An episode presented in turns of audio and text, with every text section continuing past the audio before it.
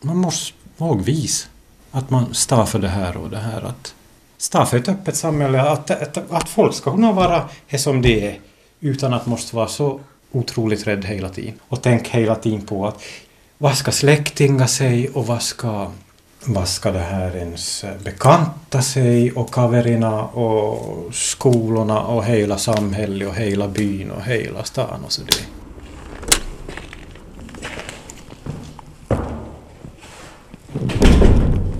Jag har stämt träff med Frank Rönnqvist i Jakobstad. Vi har känt till Frank i nästan tio år, men vi träffades för första gången på riktigt för några år sedan då vi båda var på den finlandssvenska regnbågshelgen i Helsingfors. Den som också ordnades förra helgen, men i år var varken Frank eller jag där. Goddag. Vill du ha några, ska vi dricka kaffe för eller? Frank Rönnqvist lever som singel och han är född i slutet av 60-talet så han borde vara lite på 40, 40 plus. Medan vi väntar på att kaffet ska bli klart kollar jag in vilka saker Frank har satt upp på sitt kylskåp. Du som har yngre ögon, jag ser inte står igenom ja. Till helgen någonting står ska vi ta... Till helgen ska vi ta långa härliga skogspromenader, koka äppelmos och baka. Ja, vi ska bara mysa tillsammans hela familjen. Och så säger väninnan Tack, det där har jag ingenting med att göra. Men du ska veta att jag tycker det är helt okej. Jag dömer ingen. alltså, alltså, det är laxdelikatess det här på rågbröd. Wow! Det är ju liksom lyx he. Nå, man kan väl förgylla vardagen med lite lyx. Jo, det kan man, kan man in, in, göra. Inte är ju någonting som man ska släva varenda dag det här inte. Jag såg Frank Rönnqvist första gången i ett TV-program för ganska många år sedan. Så jag ber honom berätta lite om det. Ja, alltså det var ju... Det var ju... Nu pratar jag dialekt. Prata vad du vill. Ja, men tänk om inte folk förstår det. Nej, jag skojar. De måste ju förstå mig, de som bor i södra Finland. Då. Alltså 2001 så medverkade jag i ett program, jag kommer inte ihåg vad det hette heller, men det var ett program som handlade om unga vuxna. Och Det var ju om att jag som homosexuell bodde i Larsmo och så vart det filmat och jag hade studerat, studerat i Åbo språk vid Åbo akademi och så vart det gjord en intervju där och så, så kom de ju hit då, då till Österbotten och filma. Och det var då 2001, ja. Därför. Men alltså hur kom det sig att just du flyttade till Larsmo då just? då? Det, det minns Nej, jag. alltså jag ärvde, jag ärvde min farbror i Larsmo. Alltså, Så du hade inte bott där när du var ung eller något? No, alltså jag kände ju till Larsmo från förut, från då, då, då jag var liten så, så tillbringade jag flera somrar där, alltså sommarlovet i Larsmo, så det på viset var ett väldigt bekant ställe. Men du växte upp i Jakobstad? Ja, när jag växte upp i Pedersöre, Jaha, i, okej. i, i Sandsund. Nå, ja, men det no, Jakobstad. Sandsund det är nästan Jakobstad, ja. Ja. Men jag minns bara att jag tänkte att, att oho, att en ung singelkille flyttar ensam och börjar bo i ett hus Ja, i Larsmo. ja. Och, vi, och dessutom liksom vill att prata med i TV Precis. är ganska tufft. Men liksom, det var bara för att ge en bild av, av att så här kan livet också vara. För, för i, de, i de bilden som kom under partnerskapslagen så vart ju så skev. Alltså det var ju bara de här värsta religiösa fanatikerna som uttalade sig. I princip var det ju så. Det här hetsen och, och, och debatten styrdes ju egentligen direkt från bönehusen och församlingarna här. Så var det. Jag menar, de hade, de hade namnlistor, åtminstone i Larsmo och Karleby, kommer jag ihåg, utlagt i församlingshemmet, där folk fick skriva under ”Jag motsätter mig partnerskapslagen”. Med sin underskrift så visar man att, ja vad visar man? Om man förvägrar människor grundläggande rättigheter som, som de flesta tar som självklart. Alltså vad visar man med det med sin underskrift? Att ja, jag tycker inte riktigt om de här människorna. Eh, jag anser mig vara, tack och lov, höra till den här bättre majoriteten, det här normala så att säga. Och så vidare. Och naturligtvis så visar man ju att man, man hör till de rättrogna. Det har ju hänt en hel del. Alltså så, säg nu tio år, det är nästan tio år, 2001. Så det är många bubblor eller ballonger som har spruckit bara på tio år sedan dess här. Men eh, det var liksom ett sätt det att, att utan till något desto mer gå till angrepp, att liksom visa att ja, så här kan livet vara. Så tycker jag är väldigt viktigt att man är inte rädd. Alltså man går inte på det här retoriken som, som mycket till stor del går ut på hot. Alltså så, så här förtäckta hot liksom med bibelcitat eh, och, och... Men vad är din egen bakgrund när det gäller just religion? Men har du själv Nej. växt upp i något sorts kyrkligt sammanhang och sådant och gått ut ur det sen eller? Nej, jag skrev ju mig ut kyrkan här några dagar före jul, alltså i fjol. Tänk vad man har orkat länge. Jag har inte växt upp i några religiösa sammanhang och det kan jag ju nu om man tänker tillbaks, det är jag väldigt tacksam för. Alltså nu då man har sett hela det här intoleransen, det här fanatismen, det här, alltså det här religiösa karusellen tycker jag liksom att det här så på det viset är jag väldigt tacksam att jag inte växt upp i något religiöst sammanhang, att liksom så det ska bli trugat på en. Inte på något vis, utan nu då man tänker tillbaks på, på en barndom så det tycker jag har varit bra. Att det var liksom en så här kristendom som liksom, det hörde till från gammalt liksom att en vana att man får på, på söndag morgon till kyrkan utan att det skulle liksom det var inte så stor grej liksom? Eh, nej, det var absolut ingen stor grej. Alltså det här, hela det här som har kommit nu på senare alltså det är ju... Alltså det är, så, det är så främmande liksom från den värld som man växte upp i så det, det så på det viset är jag tacksam att man, man inte har växt upp i något sådant. För det skulle säkert varit mycket jobbigare eh, som homosexuell att växa upp i en sådan miljö. Alltså det betyder ju inte att inte hade på något vis varit lätt att växa upp i, i Finland, i Österbotten som homosexuell överhuvudtaget i generella termer. Det hade det inte varit. Frank är alltså tacksam över att han själv inte har vuxit upp i något konservativt religiöst sammanhang. Men samtidigt så brukar det ofta vara så att när man träffar på honom på café i Jakobstad så glider samtalet lätt in på någonting som han nyligen har läst på kyrkpressens blogg eller på någon annan blogg. Någonting som någon konservativ kristen har skrivit om homosexuella och som han själv är ganska upprörd över. Det är ju nog montert att följa med, men det har jag alltid tyckt har varit väldigt viktigt att liksom hålla reda på så att säga vad fienden håller på med och liksom det här, det här mest religiöst intoleranta. Om man håller reda på vad de gör så lär man sig samtidigt att man, man, lär, man lär sig mycket också liksom hur de tänker och så lär man sig deras retorik också det här att man, man ser till de retoriken hur den är uppbyggd. Så här Alltså nu är det många gånger man har blivit upprörd men liksom helt klart man har blivit van också det här att eh, det var just med det här, bloggarna kom Bloggen.fi kom 2006 och Kyrkpressens blogg kom 2007 och så det var ju helt någonting ett helt nytt medium som inte hade funnits förut. Plötsligt så fanns, så fanns det ett ställe där vem som helst kunde registrera sig, till och med anonymt. Och liksom börja skriva som helst. Alltså det var ju nog i början, i början var det ju faktiskt som de skulle ha släppt ut kalvar på grönbete, som de släpper ut kalvar på grönbete på våren. Det liksom sprättar och hoppar och på och, och men du har, har du själv haft någon egen blogg så, eller du bara, du nej, bara kommenterar på andras? Nej, jag är bara en lurkare liksom. Ja, nu jag kommenterar i början ju, men det slutar jag med för det varför vill inte du bidra när du själv har reda på så mycket och mm, samlar information och ganska systematiskt mycket ja. här? Att varför vill inte du ha en egen blogg där du uttrycker dina synpunkter? Jag vet inte, alltså det är ju mycket med att man liksom utsätter sig för andra människors... Ja, jag vet inte. Men alltså, jag menar, just jag tänkte gå tillbaka till det eftersom jag faktiskt första gången såg det på TV, jag tänkte att oho, jag uppfattade det då som att i, här i Österbotten finnas med bild av sig själv och mm. namn och allt och mm. som homosexuell. Så jag tänkte att det här är en person som är hemskt stark och klarar av sånt där. Varför är du rädd för att finnas på nätet då? No, inte vet jag varför finnas på nätet. Jag tycker det finns så himla mycket på nätet så det här att om jag skulle gå ut på nätet så det har absolut ingen betydelse tycker jag från och till utan det här... Hur vet du? Kanske folk skulle läsa och tycka att hmm, han är ju... Jo, jo, men he, Ja, ja, alltså jag har, jag har inte, bra, inte har jag några bra orsak till det inte, men jag tycker man kan påverka på många olika sätt nu för tiden i dagens värld. Att det här är inte nödvändigtvis den som skriker högst som har mest i sig. Så är det ju sällan. Speciellt i det här frågor. Tvärtom så brukar det vara så att de som, de som vet minst i det här frågan och som den här frågan berör minst, så är de som gapar mest. Så här vissa är nog samma människor många gånger som håller igång debatten så att säga. Mm. Men alltså mycket har ändrats genom åren. Jag tänkte på att du det här, det att du då bor här i Österbotten och du har varit öppen med din sexuella läggning, har det gett dig något problem sådär på personligt plan?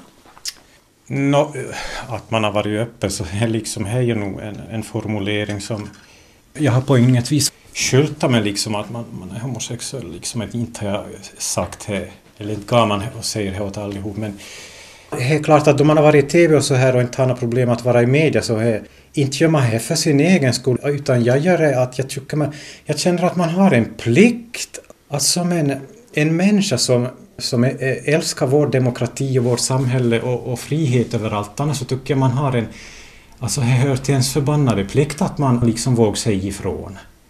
Liksom det här intoleransen och det här som kommer från, från det här, i synnerhet från det här religiösa här, eller har kommit, inte så mycket mig, men i alla fall att, det, att man, man har en skyldighet till, till våga upp.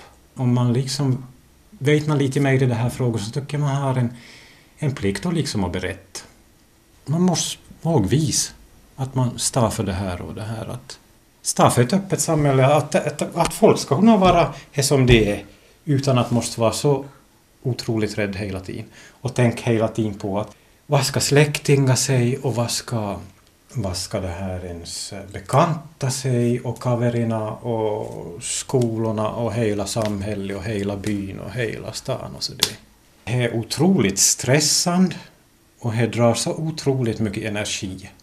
He helt i onödan att man liksom man måste hela tiden fundera på att, att eh, man på något vis måste spela en annan roll så att säga. Men tycker du att du måste göra det i ditt vanliga liv? Mm, nej, inte tycker jag inte. Men, men å andra sidan så, så är man nog väldigt försiktig att inte skulle man på något vis till exempel kunna tänka sig att ha något att göra med något religiöst gör eller något församlings eller något. Alltså, skulle du vilja? Nej, det skulle jag absolut inte vilja. Absolut inte man, man stöjs ju bort. Nej men skulle du vilja, alltså känner du att du skulle vilja ha ett religiöst sammanhang eller någon sorts nej, tro? Alltså, nej, nej, absolut. Okay. Jag har ingen tro, jag, nej, nej, nej, jag aldrig, aldrig hade. Ja, men då är det inte något problem om du inte vill ha det Nej, nej, naturligtvis är inga problem. Jag tycker, nej, alltså, en förutsättning är att man liksom, om man ska kunna vara något sån här öppen och frispråkig i trakten så nog, helt klart man måste välja, nu måste man ju välja sitt umgänge så att säga naturligt var ju förstås att man umgås med de som man kommer överens med och, och så det som inte har problem med. Inte umgås jag med det här religiösa fanatiker, alltså det skulle ju absolut inte gå. Alltså, och vad skulle det vara för mening? Det skulle vara meningslöst. Du sa att du har inte själv växt upp inom det här religiöst eh, sammanhang, Nej. men har du då känt när du växte upp att du kunde växa upp och bli den du var? Att du kunde vara dig själv? Alltså, nej, Egentligen så hade det inte så mycket att göra med religion. Liksom, man har växt upp i ett samhälle egentligen där det inte har varit okej. Okay. Så, alltså det, det har ju varit den stora bilden. Mm. Det har inte varit okej. Okay. Och sen, sen har det här, de som har växt upp i det här religiösa då, så har det haft mycket värre. Det är grader av förtryck så att säga. Men alltså tänkte du på det i termer när du växte upp och var ung att, du, att jag är sån som folk inte tycker att man borde få ja. vara Alltså hur tydligt såg du liksom vad det var frågan om? Nej, alltså jag såg väldigt, alltså väldigt tydligt redan från tidiga tonår. Alltså så du visste att du inte... Direkt, var man var könsmogen. Ja, ja, ja. Alltså direkt man blev könsmogen så att säga. Säg nu 12-13 års ålder. Alltså jag kommer ihåg ungefär då man började i, i högstadiet. Mm. Och då var man väl...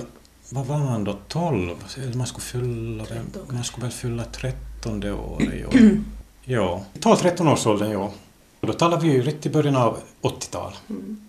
Så liksom oberoende då religiöst eller icke, alltså det var ett sådant samhälle så jag menar början av 80-talet i Finland eller egentligen vilkenstans i världen som helst. Det var ett sådant samhälle, inte var det okej okay, inte. Alltså det var, var nog väldigt klart för mig själv faktiskt att, att jag var homosexuell. Men, men samtidigt så visste man ju det här att, att man, man såg ju sin omvärld att man visste eller kände att det här är ju inte någonting som man kan berätta öppet om. Samtidigt som man visste precis vad man var så visste man också precis hur man, hur man kan uppföra sig. Och liksom det var lika klart att Alltså det var klart vad man var och så var det lika klart att man inte kunde säga, berätta det här åt någon. Så var det. Eller så kände man det då. Mm. Säg nu man ska gå till skolsköterskan som det fanns då. Alltså det, det, den tanken fanns inte. Eller till någon annan lärare eller vuxen eller ens de som, som tog hand om mig, eller var ens närmaste. Alltså det, det, det, det fanns inte. Alltså man, man kände det kan man inte göra. För, för man hade väl någon misstanke om att om man gör det så, så i, i, bara i sin egen okunskap så skulle de ha kunnat till exempel börja säga att, att ja men nu måste vi få till någon läkare eller någon psykiater eller någon psykolog eller liksom att, att de, de skulle ha kunnat anamma det här som, som vi nog aldrig får veta. Inte får jag ju veta. Det är klart de ska kunna acceptera det men knappast Nå, alltså det här närsamhället kände man ju, det här kan man absolut inte berätta åt någon. Bara på grund av självbevarelsedriften, att det här att, att Gaia säger någonting det här så blir man utmobbad, utfryst och så vidare. Och så, vidare. så kändes det då. Och det här. Så, så man får ju aldrig veta i efterhand om man ska ha varit modig då att sitta och prata om det här nu, så det är nu inte nå, egentligen någonting. Men det här eh, men det som då fanns, tack och lov, var just den här populärkulturen. Och speciellt då musiken. Som syns här, alltså det här musik-CD-pinnorna som finns här. Så, så det har ju nog varit någonting där, där det, liksom, det har varit en värld där man har, har känt, och som redan då, då man var liten, så var väldigt, blev väldigt viktig. Bara på grund av att det, det, var just där som de här första tecknen på öppenhet med det här homosexualitet. Det var just därifrån från musikvärlden, från populärkulturen. Alltså bland de, de första då, som jag kommer ihåg var ju det här Boy George, det här sångaren i Culture Club. Alltså deras genombrottshit Do You Really Want To Hurt Me kom 82 på hösten mm. tror jag. Och liksom så blev det ännu större med Karma Chameleon 83. Och så 84 kommer Frankie Goes till Hollywood. Och det var ju stor skandal att videon blev förbjud, helt förbjuden i, på BBC. Ja, den var för explicit och det var för sexuellt och för bögigt säkert. Då, det här. Och så kommer Bronski Beat 85 med Small Town Boy som direkt hade i det här i det här i sångtexterna som handlar om en pojke som upptäcker sin homosexualitet från småstaden och Small Town Boy, alltså småstadspojke och flyttar till storstan och sådär. Och så vidare. Så du kunde, känna, du kunde känna igen det som de beskrev i det här... Ja, alltså helt klart att det var ju det, de där halmstråen som fanns. Alltså inte fanns det någon, inte fanns det någonting som, i närsamhället. Alltså man, om, om homosexualitet blev eh, hänvisat till diskussioner eller liksom bland klasskompisar så det var ju alltid i negativa termer. Alltså själv borde ett homo så här, vissa blev retade för det fast det kanske egentligen inte var det och så här. Det var en sådan tid så det... Mm, du har inte bott alltså i det här i Österbotten, eller du har studerat i Åbo? Visst ja, jag har studerat i Åbo, ja. Jag började studera i Åbo i slutet av 80-talet och, och ja, 87 var det väl, ja. Och jag menar Åbo på 80-talet, eller först början på 90-talet, så det var, var inte... Inte ens Åbo var något speciellt tolerant eller liberalt ställe, inte, inte ens akademivärlden. Nu fanns det ju öppet homosexuella där men liksom inte var man alls då, då redo för, för liksom till, till vara själv speciellt öppen där. Ja. Det, det, det, var absolut inte utan att man får med studera till Åbo var väl nog mer att man liksom bara ville slippa härifrån var det väl egentligen nog. Var det inte intresserad av ämnen du får studera? Nej, jag studerade, jag läste engelska och franska så det här att är klart, nu gick jag men inte inte kan jag säga att jag trivdes nog desto mer det här i den akademiska världen. Jag vet inte. Alltså. Hur många år var du där och studerade? No, det beror på hur man det men... Ja, som, du, som du bodde i Åbo? som jag bodde i Åbo sammanlagt väl ungefär 13 år skulle jag säga. Så det här innan man kom tillbaks hit. Det egentligen är det inte så stor skillnad var man bor. Alltså helt klart vill man ha ett visst håll igång som bögklubbar och blögställen och, och sånt här så det är klart då är det ju inte det här bästa stället naturligtvis. Men, men om man inte om inte man har det håll igång som primärt mål, alltså helt klart hej mig om man är ung. Man orkar ju inte vara en tonåring hela livet. Liksom att, nej, så, så det här, jag tycker att nu är på vis att man ska nog kunna bo var som helst i Finland. Alltså om inte man känner man kan göra sådana fel i samhället, och då är det nog samhället som ska kunna ta tag i och det här och politikerna och det här att om man känner att man måste flytta bara för att man är, för att man är homosexuell så det ju så har ju vi förstås, men det här att det är ju nog fel egentligen. Men. Jag har ju frågat om hur mycket, hur svårt man vill göra det för sig. Ibland mm. har det säkert känts att det varit lättare att vara på längre avstånd från eventuell intolerans från ja. släkt och vänner och mm. mm omgivning. Mm. Att man har farit till en större stad så har ingen behövt bry sig om vem man är. Ja, no, är just det att folk frågar att man har en flickvän och så, det och så vidare och så vidare. Alltså, hej, det Hej, det är att folk tror att all, all liksom är stöpt i en mall och liksom förväntar sig att alla ska följa den mallen. Pojke möter flicka och så ska tycke uppstå och så det. Och det finns inte något annat alternativ. Alltså så har ju vi det. Men det här att det är klart med den här diskussionen så blir det allt mer, mer öppnare. Att det här, folk kanske börjar förstå att det, funkar inte för allihop. Så är det bara. Det är så enkelt att det, det funkar inte. Vad ska man säga? ett fritt samhälle så det här så det borde vara själv, helt självklart att man naturligtvis ska man få välja vem man vill eventuellt leva ihop med oberoende av vilket kön den personen är. Alltså så borde det funka ett fritt samhälle. Frank sa här tidigare att han redan i högstadiet i början av 80-talet visste att han var homosexuell. Men i vilket skede vågade han börja säga åt andra vad han var? Om inte jag kommer ihåg fel så var det faktiskt 1996. Och det var faktiskt i samband med att eh, Eva Dahlgren gifte sig, eller ingick registrerat partnerskap med Eva Attling. Jag tror det var i januari 96 och det var faktiskt en stor händelse för he, då hade, Sverige hade ju fått partnerskapslagen, den trädde i kraft i januari 95 så den hade varit i kraft i ett år i Sverige. Och just då Eva Dahlgren då kom ut så att säga med bullerbång i, i och med det här giftermålet så då, då tog ju verkligen diskussionen eld i Finland också. Alltså det, var ju jätt, det blev ju jättestort. Jag kommer ihåg Ilta Sanomats löpsedel där det stod att Eva Dahlgren men i Naimisiin naisen. Och det, det kommer jag ihåg, då minns jag tänkte alltså wow vad häftigt att, att det var en förebild som hette duga. Så då tror jag då då kom diskussionen igång här i Finland och liksom det började svalla här också. Eller det hade ju svallat tidigare. Ända sedan 94 då, då SFP antog en kläm på partidagen i Åbo, 1994 var det ju också, om att arbeta för registrerat partnerskap. Och då kom ju reaktionen från bönehusfolket. Alltså liksom, då, då kom det här fördömandena. Sen dess har det varit igång här. Men just då 96 då, då Eva Dahlgren kom ut, så, så då, då tyckte jag att det här var så pass häftigt och en så stor frontfigur så att säga. Då, då kände man att nej, men nu, kan man, nu måste man ju nog kunna börja liksom självberätta. Så då berättade jag att en gammal klasskamrat då. Och det var ju inga problem. Som man har gått och inbillat sig att oj nej, här, alltså man kan inte berätta det här för man blir utfrysen och man, man blir, ja man blir hela, liksom, hela, hela ens tillvaro och värld rasar samman. Så så liksom så, så, så gav man faktiskt att inbilla sig. Trollen spricker när man drar ut dem i dagsljuset. Mm. Så är det.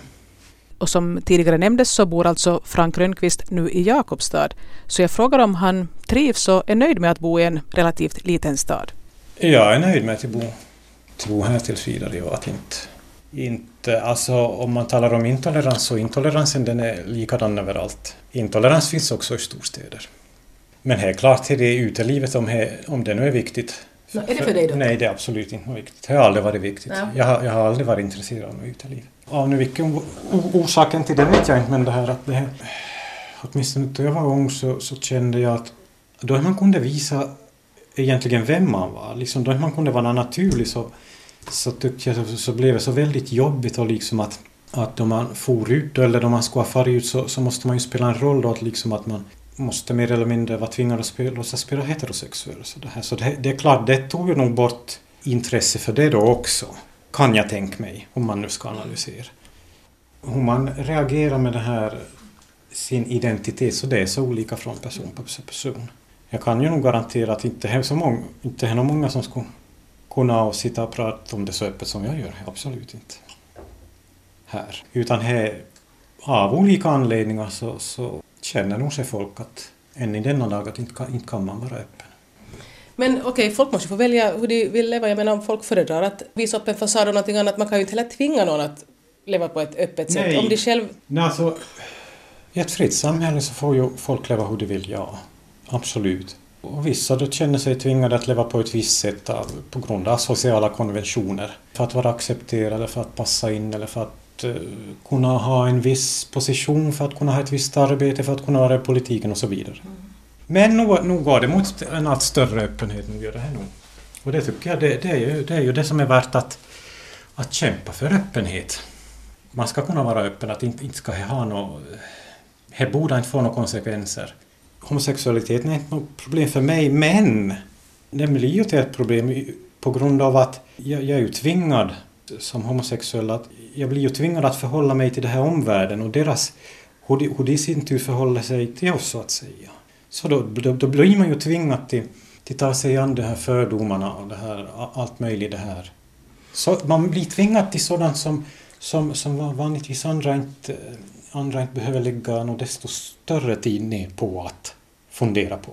Jag vet, men det verkar som du nog faktiskt göra det hemskt ivrigt och hemskt mycket hålla reda på liksom att en stor del av ditt liv går åt till att just hålla koll på sånt här. Att, Ja. att, eh, att en stor del av din tid går åt att bearbeta det att vara homosexuell Ja. i, ett, i en Ja. omgivning som inte kanske är världens mest toleranta. Ja.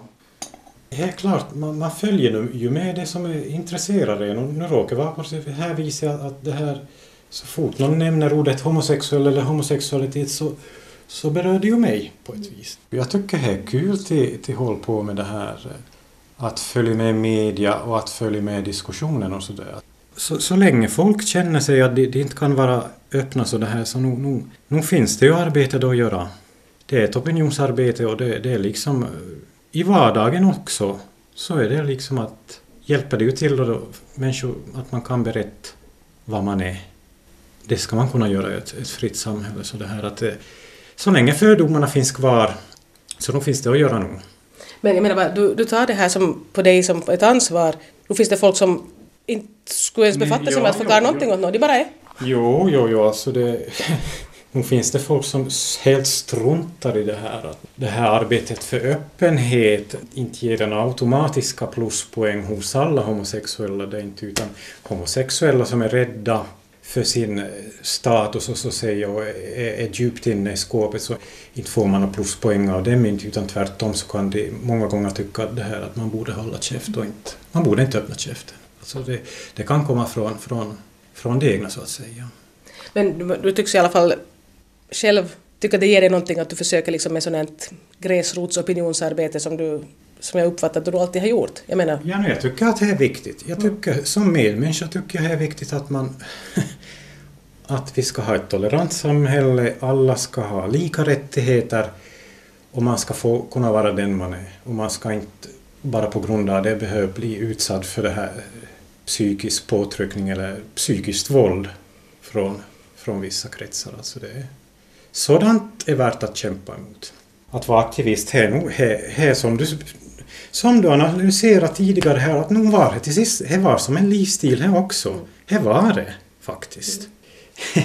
alltså det här livsstilar, oberoende om man är homosexuell eller heterosexuell, de här livsstilarna, de här nischerna, alltså det finns ju hur mycket som helst. Liksom, hej, bara vad man är intresserad av. Det blir ju mycket att man tar, tar på sig olika roller då, liksom för, att- för att behandla det här, det här känsliga och det här jobbiga som till exempel då homosexualiteten kan upplevas som. Då kan man ju ta sig an sen det här, det här aktivistlivsstilen. Andra struntar helt i vad som alls kallas för aktivism eller liksom utan de kör sitt eget race till exempel med, med klubbar och liksom för man är homosexuell bara då man får på klubb. På, på lördagskväll och när man kommer därifrån så spelar man någon sorts heterosexuell då eller liksom och, an, an, Vissa, vissa kan då börja liksom gå in i någon sorts... Eh, att man blir någon sorts underhållare och liksom kör på det här... Eh, vad ska jag säga? Det här glitter och glam och melodifestival och mode och så här liksom. Här, här, här, blir mycket piss till. Liksom Och, och det här mänskliga psyket liksom bearbetar jobbiga problem så här ju... Alltså här leder ju till helt skilda lösningar beroende på människor. Så liksom, ingen, ingens eh, vad ska vi säga, livshistoria är den andra lik. Folk talar i stereotyper och vet, tror sig veta att så här uppträder homosexuella. Det är så där och där är glitter och glam och, och så vidare. Och så vidare. Men vi lever nu i denna värld och så här ser världen ut och, och människan är en speciell varelse och där finns allting från kärlek och hat och, och upplysning och intellektuellt mörker och, och, och liksom allt det här. Allt det här däremellan så det här att så här ser världen ut och vi får försöka göra det bästa av det.